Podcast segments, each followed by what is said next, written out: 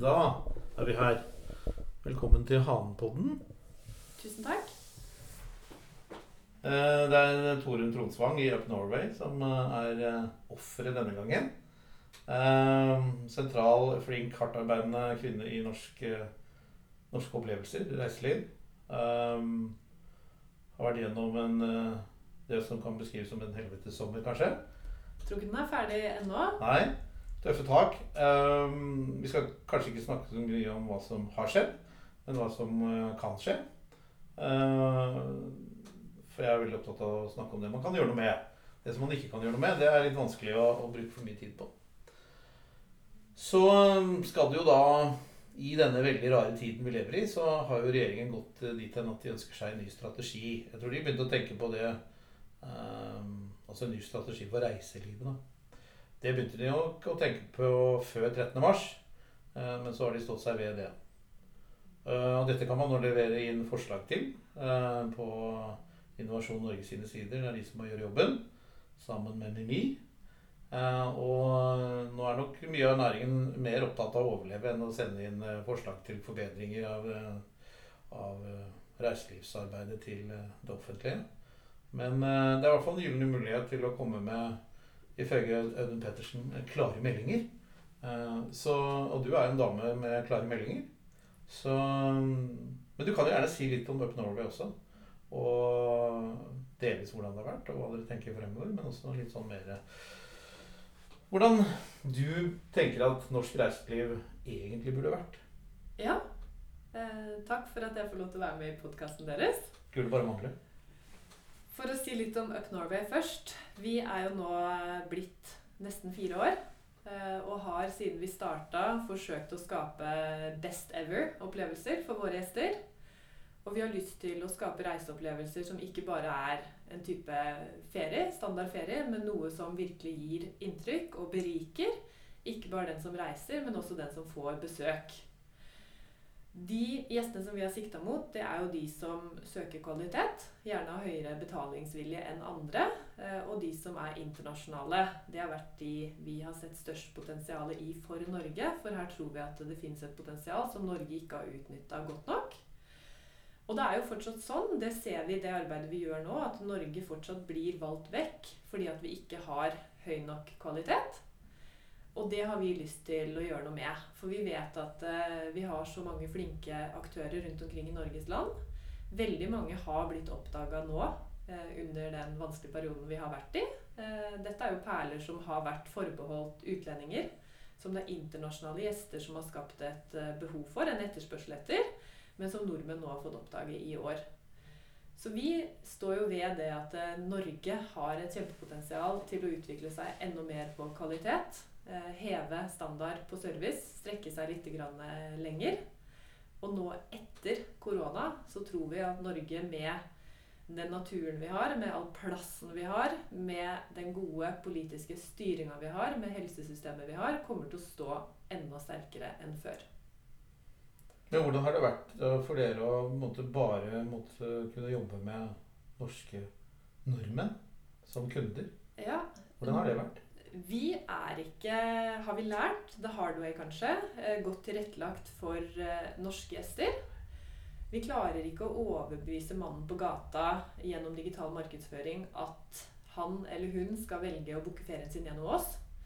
Men når noen kommer til oss fordi de har fått oss anbefalt av en annen nordmann de kjenner, Da da booker de. Og da booker de ikke bare én tur, da booker de neste tur. Og nå har vi noen nordmenn som vi begynte å selge til i starten på sommeren, som nå har booka sin tredje tur. Oi! Så når man først kommer over den kneika, den skepsisen som er iboende nordmenn, hvor man tenker at eh, nei, det blir billigst hvis man gjør det sjøl, og Mm. sikkert best også Når vi klarer å bevise at det kanskje ikke alltid er riktig, da har vi mye å by på. Men den kneika den har vi ikke helt skjønt hvordan vi skal komme over ennå. Ja, det er litt rart å tenke på at vi nordmenn er jo de som har mest kjøp, sterkest kjøp, kjøpekraft av nesten hvem som helst på kloden. Men så har vi i oss det fra den tiden før, hvor vi ikke hadde det. Hvor vi skulle kunne gjøre alt selv. Ja. Om det var å bygge hus, eh, reparere bil, eh, organisere ferie. Vi kunne jo i utgangspunktet alt. Vi var, vi var universalgenier, alle sammen. Og skulle fikse det. Vi skulle jo for all del ikke kjøpe noe. Nei. Det var noen ytterst få som drev med De var eventuelt litt slappe og dov- dovne, som Mm. ikke fikk det til. Så tenker jeg jeg hadde en eh, spesiell opplevelse i mai, akkurat når det åpnet. Så var det en eh, privat reise til Hardanger, og så fikk vi en guide. Jeg har aldri brukt guide før. Det skal jeg fortsette med. Ja. Det var helt fantastisk. For én ting er liksom å stoppe på en sånn holdeplass og så lese om en sånn rute du kan gå, som er tilrettelagt. Det var liksom ikke Jo, det, det, det funker, det òg, men det er jo veldig begrenset eh, opplevelsesverdi. Men når han tok oss rundt og fortalte, som den hardingen han er Helt magisk. Og reisefølget var jo bare helt Er det mulig? Og det er jo litt av hemmeligheten med opplevelsene våre også. Det er jo menneskene. Menneskene som vi kjenner, menneskene som vi har dyrka forholdet til over mange år. Som vi har funnet og prøver å beholde så tett inntil oss som mulig. Fordi de er fantastiske formidlere, historiefortellere. De er kompetente, og de har noe å by på basert på den livserfaringen de har. Mm. Og de er et utrolig godt vertskap. Og det er disse menneskene som gjør krydderet i opplevelsen, og gjør at dette er opplevelser man ikke glemmer. Men det som er så rart, er jo det at veldig mange nordmenn som jo da ferierer i Sør-Europa, har en eller annen Marielle eller Francesco eller en eller annen som de enten leier i sommerhus av, eller som de har vært og spist hos i, i Pymont, noe, som de har et veldig sånn lidenskapelig forhold til. Eh, og så når de kommer hjem, så legger de av seg alt det. Ja, og det er rart, men så tenkte jeg jeg måtte gå litt i meg selv, for kanskje er jeg litt på den måten sjøl også. Mm. Så i sommer så skal jeg innrømme at jeg klarte å snike meg en tur ut av landet, til Hellas. Ja, Så bra, da. Ønsket da å komme litt vekk fra det kaoset vi har stått i og fortsatt står i. Og hadde da vært på en samling for verdens beste reisearrangører i New York i januar. Så tok jeg tak i en jeg hadde møtt som var fra Hellas, som driver tilsvarende Up Norway i Hellas. Og så sa jeg til han dette er mitt budsjett, dette er tiden jeg har, og dette er det jeg vil. Kan du lage turen til meg? Ja.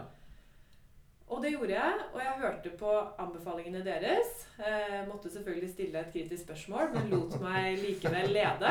Eh, og det er den beste serviceopplevelsen, den, en de beste ferieopplevelsene jeg har hatt i mitt liv. Jeg ble så wowa, og jeg ble så inspirert. Og jeg har tenkt at vi gjør en god jobb i Norge, men nå har jeg virkelig sett hvordan vi også kan strekke oss så mye lenger og profesjonalisere de vi jobber med. Og det er et langsiktig arbeid som vi jobber veldig, veldig mye med nå. Fordi eh, vårt mål er ikke å rette oss nå kun mot nordmenn fremover, men det er å fortsette å rette oss mot internasjonale reisende og by på Norge, fordi vi tror Norge kommer til å stå så sterkt når det her er over. Mm. Men jeg skulle ønske at vi klarte å få flere nordmenn til å bli kvitt den skepsisen sin og la seg forføre. Fordi jeg er sikker på at vi kan by på en norgesopplevelse til de som de ikke hadde funnet på egen hånd. Det er jeg helt sikker på. Ja. Definitivt. Og jeg, den derre iboende skepsisen til å øh, til å, til å kjøpe tjenester, Mm. eh, det må man jo legge vekk eh, på alle områder. Eh, for det er de færreste av oss som er eh, født eh, eh, som etterkrigsgenerasjon som virkelig liksom egentlig kan alt. Eh, og i hvert fall undertegnede tenker at, eh, som jo har reist mye rundt, har lidd under den at dette skal jeg finne ut av selv. Ja. Dette ordner vi. Mm. Eh, og det er jo med respekt å melde mangel på respekt for de som bor der. Eh, og de som kan dette faget. Så det er, det er egentlig veldig interessant å se hva, hva vi kan gjøre for å overbevise både oss selv og, og de som reiser i Norge om at her er det Skal du virkelig få valuta for pengene, så må du la deg forføre. Ja, og det Man lurer jo på man blir kanskje skremt om man tenker at det er veldig mye dyrere å booke gjennom en reisearrangør. Men det er ikke veldig mye dyrere, og vi har aldri hatt noen som har kommet tilbake i etterkant og sagt at de ikke er fornøyd med at de betalte det lille ekstra, for verdien de fikk, var så utrolig mye mer. Mm. Og det er verdt å tenke på. Definitivt. Mm. Og dere har jo et flott eh, nettsted, og det kan selv for eh, ikke så engelskspråklige mektige mennesker være verdt å gå inn på. Ja, nå kan det vel hende etter hvert nå at vi skal prøve å komme med en liten norsk del òg. Det Mm. skal vi ta til oss fra den tilbakemeldingen vi har fått i år. Ja, Sånn at vi også kan nå flere nordmenn. så bra. Ja. Eh, men eh, vi er jo kanskje ikke midt i, kanskje på slutten. Jeg vet ikke hvor vi er i denne pandemien, men eh, det skal jo komme noen vaksiner etter hvert. Det håper vi. Ja, Statsministeren lovet på sin pressekonferanse for barna at det skulle komme til jul, Oi. sier hun. Så, og så vil det jo ta litt tid. Mm. Så om et år Altså at det begynner å løsne i løpet av eh, slutten av første halvår, da. Eller slutten av første kvartal 2021. Det vil jeg tro. Vi håper jo det. Vi håper jo at i desember at vi skal klare å få noe vintertrafikk fra noen eh, land utenfor eh, Ja, det blir vel i Europa. Men USA er det vel første kvartal på slutten av første kvartal vi også tenker at kanskje først da vil vende tilbake. Trump sier at han har det is all ready. Ja. It's gonna soon, very soon, sier han. ja. Mhm. Tror ikke mange har så tillit til det, men Nei, nei, de får ordne med sitt valg, egentlig. ja. Men eh, hva, tror du om, eh, hva tror du om å lage atter en reiselivsstrategi for reiseliv i Norge, da? Har du noen eh, Jeg tror det har en hensikt. Eh, Jeg tror at eh, man må tørre å være tøff og gjøre noen eh, kanskje umiddelbart upopulære valg som ikke lar seg løse over natten. Og et, eh, et felt, kall det kanskje det, men noe som vi har sett på, som jeg er overbevist over at det er behov for for å klare å profesjonalisere norsk reiseliv, det er å gå vekk fra å tenke at alt skal være demokratisk. Men å tenke at kanskje her trenger vi litt mer hierarki i lederstrukturen, sånn at man får en bedre strukturert Hva er det du sier nå? Hva er det du egentlig sier nå? Det jeg prøver å si, er at jeg vil at landet skal kunne ha innflytelse på de ulike destinasjonsselskapene, eh, og at det skal være en bedre systematikk, struktur, mellom landsdelsselskaper, fylkesselskaper, de som er finansiert av medlemmer, de som er finansiert av kommunepenger, Innovasjon Norge. At det skal være mulig å samkjøre en del initiativer uten at man skal sitte på mange turer over hele landet og drive med forskjellige ting og ha forskjellige mandater når man egentlig jobber i samme retning, men så gjør man det på en uorganisert måte. Da tror jeg ikke at vi kommer så langt vi vil. Men tror du ikke markedet løser dette? At de som på en måte gir den gode servicen, den gode opplevelsen, det er de som vinner? Nei, for jeg tror dette er knytta til destinasjonsselskapene våre. Og at man har en mangel på en overordna hierarki på hvordan de drives. Det er utrolig mange dyktige mennesker, men jeg tror at man kunne vært samkjørt bedre. Men dere har jo i porteføljen deres masse flinke folk Ja. eh, som leverer ulike typer opplevelser og tjenester. Mm. Eh, og um, dreier det seg ikke veldig mye om å tilrettelegge for at de som de som leverer gode produkter, da, blir, er de som blir tilgjengelige. da. Absolutt, men la oss si at vi er på en destinasjon i Norge, da.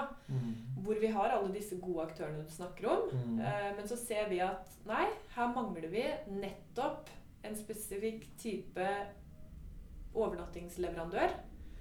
Hvem skal vi da gå til og si vet du hva, her er noen nødt til å få bygd opp enten en eksisterende eller skape en ny aktør? fordi at For at vi skal få utnytta alle de andre småaktørene, så trenger vi nettopp det tilbudet i den regionen. Mm.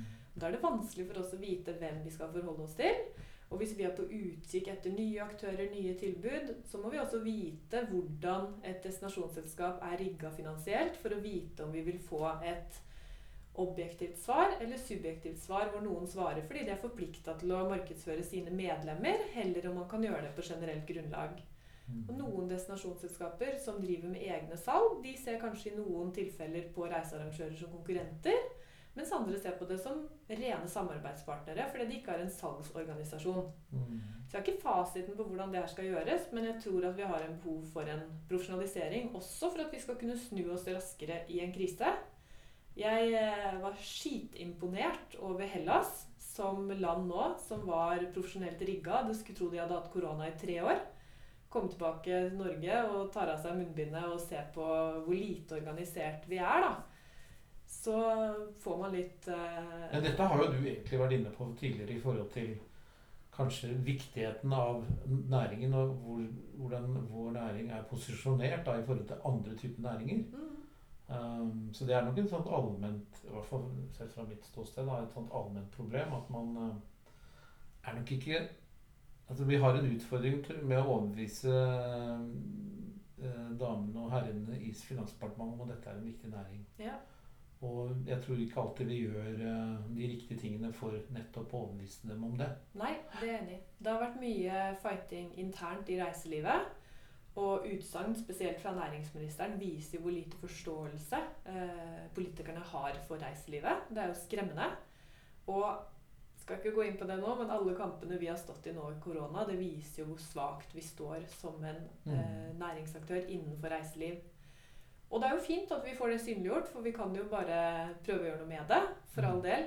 Men eh, hvis Norge nå skal vinne og ta det potensialet som vi nå har som land etter korona, så tror jeg at vi trenger en helt annen profesjonalisering.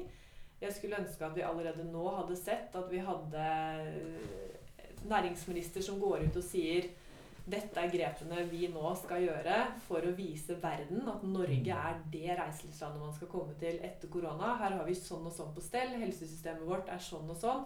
Dette er det vi kan tilby til alle dere som har tenkt å komme hit. Fordi at selv om Norge tror vi er best på alt, så tror ikke hele verden at Norge er best på alt. Og vi blir fortsatt ansett som veldig eksotisk. Men nå å spille på all den positiviteten vi har, og hvordan vi har håndtert denne krisen, og hvor lite smitte vi har hatt relativt sett, det burde vært markedsført nå på en helt annen måte for å bygge opp om Norges profil. Og jeg syns det er trist at ikke det blir gjort. Det har vel noe med kanskje at uh, reiselivet har en posisjon i Hellas og, og for det greske bruttonasjonalprodukt. Mm. Uh, og vice versa i forhold til Norge, da. Ja. Hva skal vi gjøre da, Bernt, for å få reiselivet sin status i Norge til å bli like høy som visse andre land? For det første tror jeg at uh, man må bestemme seg for hvilket reiseliv man må ha. Ja. Nå har man uh, et reiseliv som, som uh, er um, litt sånn Ole Brumsk. Mm. Uh, og så er det jo utfordrende som, å dra seg etter hårene når man har hatt den største velstandsutvikling de siste 15 årene som nordmenn noen gang har gjennomgått. Mm. det vil forandre seg. Så når vi sitter her Nå er jeg litt eldre enn deg, da. Men når, når jeg er 70 som litt under 20 år, så har nok verden forandret seg vesentlig. Og ikke minst for Norge. Eh, da tror jeg nok man på en måte har en, eh, en næring som reiselivet, som kan bringe arbeidsplasser, inntekter øh, og ikke minst eksportinntekter. For det er jo nettopp det næringene er når du henter utlendinger til Norge. Så kan nok alvoret synke inn etter hvert. Men jeg er veldig usikker på om man gjør det. Og det er på mange nivåer. Du var inne på destinasjon. Det er organisasjonsflommen her. Det er hvordan man opptrer sammen mm. eh, i møte med det offentlige. Eh, det er eh, de store versus de små. Eh, mangel på å se helhet. Det er nok det som overrasker meg mest eh, ved å reise rundt, er at eh, selv om du er et stort hotell inn i en stor hotellkjede, så er du helt avhengig av du kommer ikke dit fordi den ene sengen er uh, av den og den dynen uh, og den og den putekvalitet. Du kommer fordi du skal sove et sted, og fordi hotellet i og for seg har godt renommé, men det er mange andre grunner til at du kommer dit. Så det er mangel på helhetstankegang hos ledende representanter i norsk reiseliv. Den overrasker meg. Og den utbasunerer uh, seg hver eneste dag, og mm. ekstremt høylytt nå om dagen. Mm. Så, så, jeg har jo på en måte syntes det har vært veldig overraskende så skjønner jeg at det er, eh, at det er uh, ulike interesser. Og jeg tenker at man må velge. Jeg tror man må velge. Det jeg tror det er vanskelig å la ikke sant? Nå har nordmenn reist til Jeg var i Eidfjord i sommer. Det var fantastisk. Men det, hvis Eidfjord skal bli sånn for lik det det var før korona, kommer ingen nordmenn dit. Hvis Hellesylt og, og, og cruisedestinasjonen skal bli lik det de var før korona, kommer ingen nordmenn dit. Hvorfor skal vi reise dit? Det er jo, altså, vil vi ha den form for turisme? Uh, vil vi ikke styre det? Uh, vil vi la uh, en havnesjef måtte ødelegge naturgrunnlaget, bolysten osv. i disse områdene? Vil vi det? eller vil vi lage langsiktig bærekraftige destinasjoner som må gjerne ha cruise, men den volumorienteringen er jo helt ødelagt. Se på Bergen, en av de vakreste byene i Nord-Europa er jo helt ubrukelig uh, å være i som gateway til noe som helst. Når det ligger tre cruisebåter og det er 15 000 passasjerer som virrer rundt. Som mm. knapt vet hvor de er. Ja, det er vel litt tilbake på den Ole Brumskheten som du snakka om. At vi vil ha begge deler. Men når man vil ha begge deler, så blir det ikke så veldig bra for både og. Nei, og det, det, gjør at uh, nordmenn eh, i liten grad velger Norge som reiseliv. Eh, I hvert fall innenfor visse segmenter. Mm. Det er jo litt i Norge at eh, klart Ser man på antall reiselivsbedrifter som virkelig wower, så er det i mindretall i forhold til veldig mange andre land. Og man skal jo også være klar over at vi har en eh, kjededominans i Norge på norske skandinaviske kjeder som Scandic, Thon, Radisson osv. er ikke så retta mot ferie-fritid, mer mot yrke. Men Choice også i noe grad. altså Disse standardiserte hotellopplevelsene som er på veldig mange av disse hotellene, det gjør ikke bare godt for det norske ferie- og fritidstilbudet hvis ønsket er at man skal fremstå som en veldig bærekraftig destinasjon med et tilbud hvor man snakker om autentisitet, lokalmat, unike opplevelser, personlig service. Og vi har også mangla en internasjonal kryssmarkedsføring fordi vi ikke har klart å få de internasjonale kjedene som ligger på femstjernersnivå, til å etablere seg i Norge. Kanskje fordi at de norske kjedene dominerer for mye. Eh, kanskje fordi at de ikke klarer å konkurrere på det prisnivået de må være på. Men eh, det er Jeg har klokketro på at Norge må ta en posisjon som en av verdens mest bærekraftige reisemål. Og man skal ikke snakke om det. Det er hygienefaktor. Man må gå lenger enn det nå framover spille på alt det vi har, den klokskapen som ligger i landet, men også være åpen for mm. noen kritiske diskusjoner. Det er ikke alt vi gjør som er bærekraftig heller. Vi har 81 eh, på veien mot å oppnå FNs bærekraftsmål.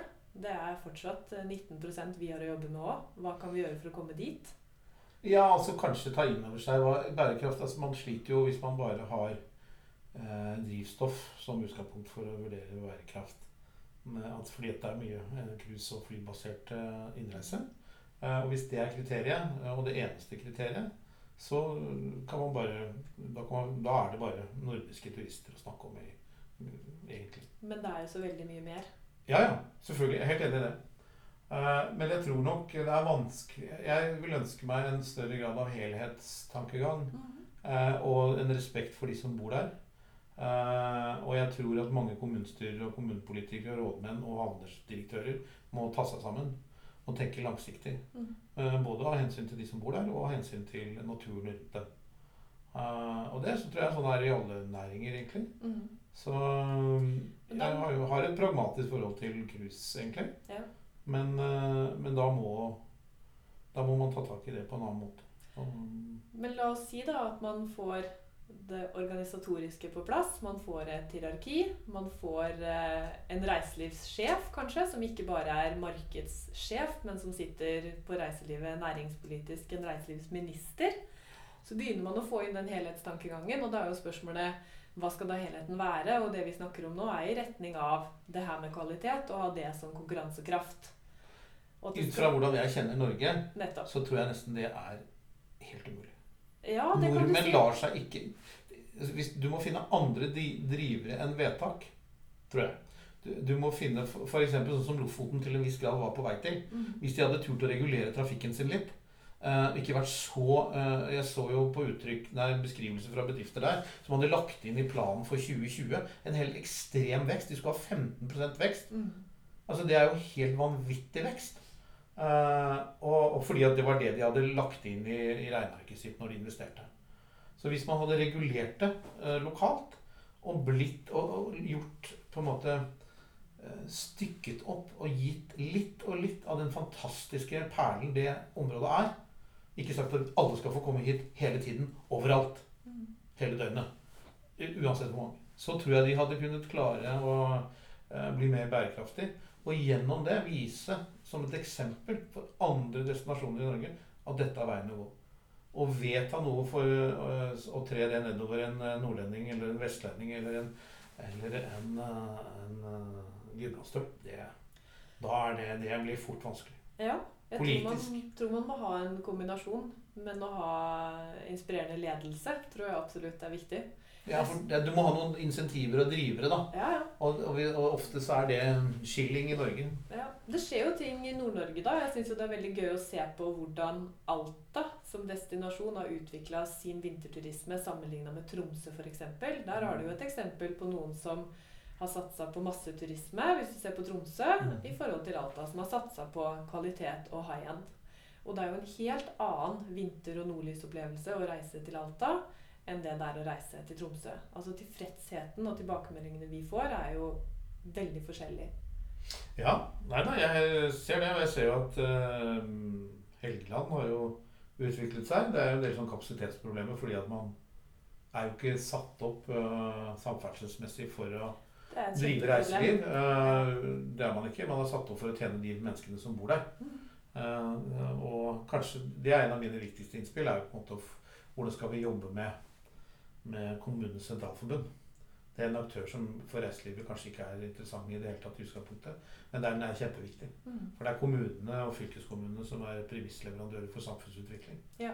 Og når ikke det heng- og reiselivet er, ikke henger inn i det, så, så blir det vanskelig. Det, og det, om det er ferger, eller om det er toaletter, eller hva det måtte være, fasiliteter i ulike uh, sjargonger som man trenger. Det så man jo i sommer også med antall nordmenn som fikk oppleve fergekøer for første gang. Kanskje uforberedt på hvor dårlig det faktisk er planlagt på Helgeland. Nå reiste vi jo mye før. da. Jeg er jo så gammel at jeg, man reiste jo mer Det å reise ut, sånn som vi har gjort de siste 15-20 årene, det er noe nytt. Det var, det var, husker jeg, det var for han som, eh, hvor faren var pilot. De fikk gå på charterferie. Mm. Så det der, det, det, at vi, så, så jeg har reist masse rundt i Norge på 70-tallet med bil, og da var det fullt på fergene og sånn, så jeg har opplevd det. Ja. Og det var lang kø og Ja, ja. Men, eh, men jeg tenker at eh, at eh, at rundt eh, både hytter og, og leiligheter og ikke minst i jul, når folk kommer sammen, så tror jeg mange kommer til å snakke sammen om den ferieopplevelsen de har hatt i Norge for første gang. Og for våre, mange av våre medlemmer så har det jo vært sånn helt, helt Texas. Og de som fikk besøk av denne her bilen til NRK, så kunne det jo gå helt riktig gærent. At man gikk tom for både sider og ost. Så rett og slett fordi at folk er jo litt sånn at uh, det de leser i avisen, dit skal de. Ja. Og, eller den vinen skal de kjøpe, så fordi den har fått god anmeldelse i, i avisen. Og det er jo veldig mange Hanen-opplevelser som våre gjester har satt mest pris på i sommer også. Der hvor de kommer tett på de som driver gårdene, får smake på produktene, får møte dyrene, får se hvordan det dyrkes. Det er jo helt spesielle opplevelser som vi i Norge per i dag, altså den kvaliteten, den oppmerksomheten som blir levert til gjester som får sånne eh, opplevelser, det er jo ikke dyrt. Det er jo bare at det, det ligger ikke ute på noen nettside nødvendigvis, mange av disse perlene, sånn at folk kan booke de direkte. De vet ikke hvor bra de kan få det hvis de reiser på en gårdsopplevelse i Norge. Så her òg er det jo veldig mye man kan gjøre i forhold til kommersialisering for å tilby det til enda flere.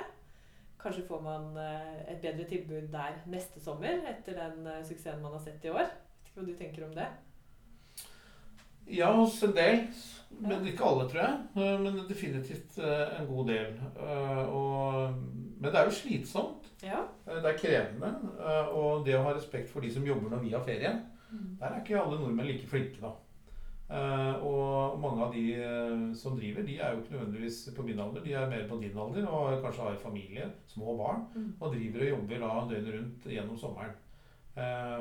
Og det, det er jo ikke nødvendigvis noe som veldig mange klarer eh, over, over, over lang tid. Nei. Så vi ser jo det at det er en viss frafall, da. Fordi det er krevende. Og dette hadde vi også tilbakemeldinger på, og jeg må innrømme at jeg står litt delt i den debatten. Jeg har full respekt for de som jobber, men jeg tenker jo også at mange, eh, hvis jeg skal tørre å si det, kunne organisert seg bedre. Kanskje ikke i år, når det var vanskelig å forutse hvordan sommeren kom til å bli. Men på et generelt grunnlag så tror jeg jo flere kanskje kunne tørre å ta inn ekstra hjelper for at man skal kunne ta imot trafikk også på en søndag. Selv om det fortsatt er hellig hviledag for mange. Og det ser man jo f.eks. på Gylne omvei. Vi vet at de som er der oppe, trenger en pause.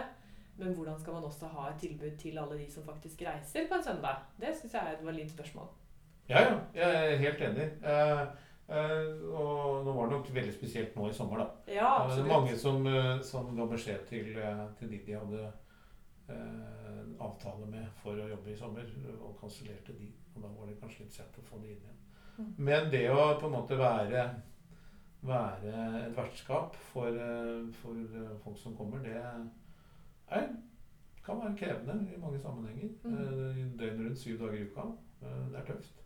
Det er tøft. Vi har lært mye the hard way i sommer. Det har vært veldig tøft å være god nok. Vi har feila på mange områder. Mm. Det er ikke lett å lede en organisasjon, uansett hva det er, og yte service eh, i en krise.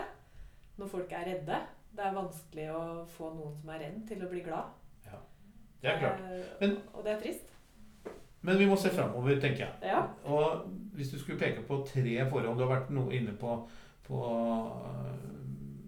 hvordan vi strukturerer reiselivet, og hvem som bestemmer, for å få et, et, et bedre system rundt det. og ikke minst gjennom det få en bedre outcome. da. Så Ja. Det kommer ut i andre enden noe bedre.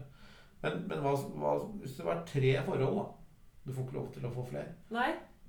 Vil du jeg skal snakke på generelt grunnlag, eller kan jeg si hva vi forhold. jobber med? Ja, Ja. litt, hva, hva, hva burde være preget? Nå skal det være en strategiarbeid, Ja. og ut av dette skal det komme noe konkret. Eh, og, og, og det skal være liksom, dette skal være viktig i forhold til verdiskapning, bærekraft.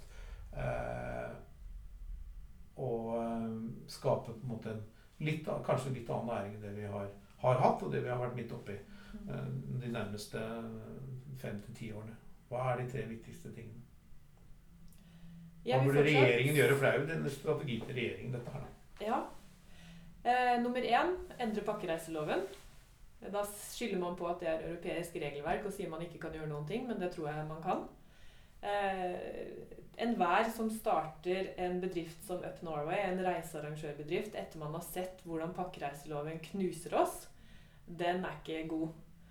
Å få endra pakkereiseloven sånn at det er mulig faktisk å drive i en pandemi uten å ende opp med å få doble betalingsforpliktelser, det er alfa og omega. Og Norge, tror jeg, trenger de som er eh, reisespesialister, de som pakker reiser, arrangerer reiser. Norge trenger den type aktører framover. Fordi veldig veldig mange booker ikke på egen hånd, og de finner heller ikke fram til de beste opplevelsene på egen hånd. Så det ville vært nummer én. Eh, nummer to så ville jeg gå tilbake til det jeg sa i stad, og endra på hele måten norsk reiseliv er rigga på. For jeg tror ikke vi kommer videre hvis ikke vi kan begynne å få til den helheten du snakker om. Og da tror jeg man må mu ha mulighet til å påvirke på en annen måte enn det man gjør i dag, hvor alle destinasjonsselskaper sitter og jobber med sitt. Nummer tre eh, så tror jeg at man er nødt til å ta tak i initiativer hvor man ikke bare har kurs, og så måler man ikke hva som skjer med de til slutt. Man må ha en systematisk profesjonalisering av aktører innenfor reiseliv. Man må sette krav til hva som skal være på plass for at man skal få lov til å ta imot gjester, drive som guide på de ulike fagfeltene, og at man ikke må ha så mye hyggelig arbeid at reiselivet må bli kvitt den derre ja, dette gjør vi fordi det er hyggelig-tankegangen, men at vi også klarer nå å fremstå som en bransje hvor vi jobber sammen, og hvor vi fremstår profesjonelle. Eh, og jobber under profesjonelle vilkår da, på, på lik måte som andre næringer. Mhm.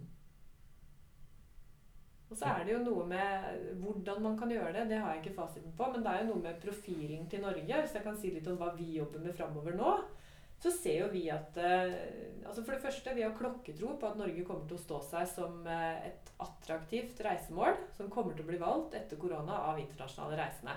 Og vi tror også det kommer til å bli valgt av nordmenn.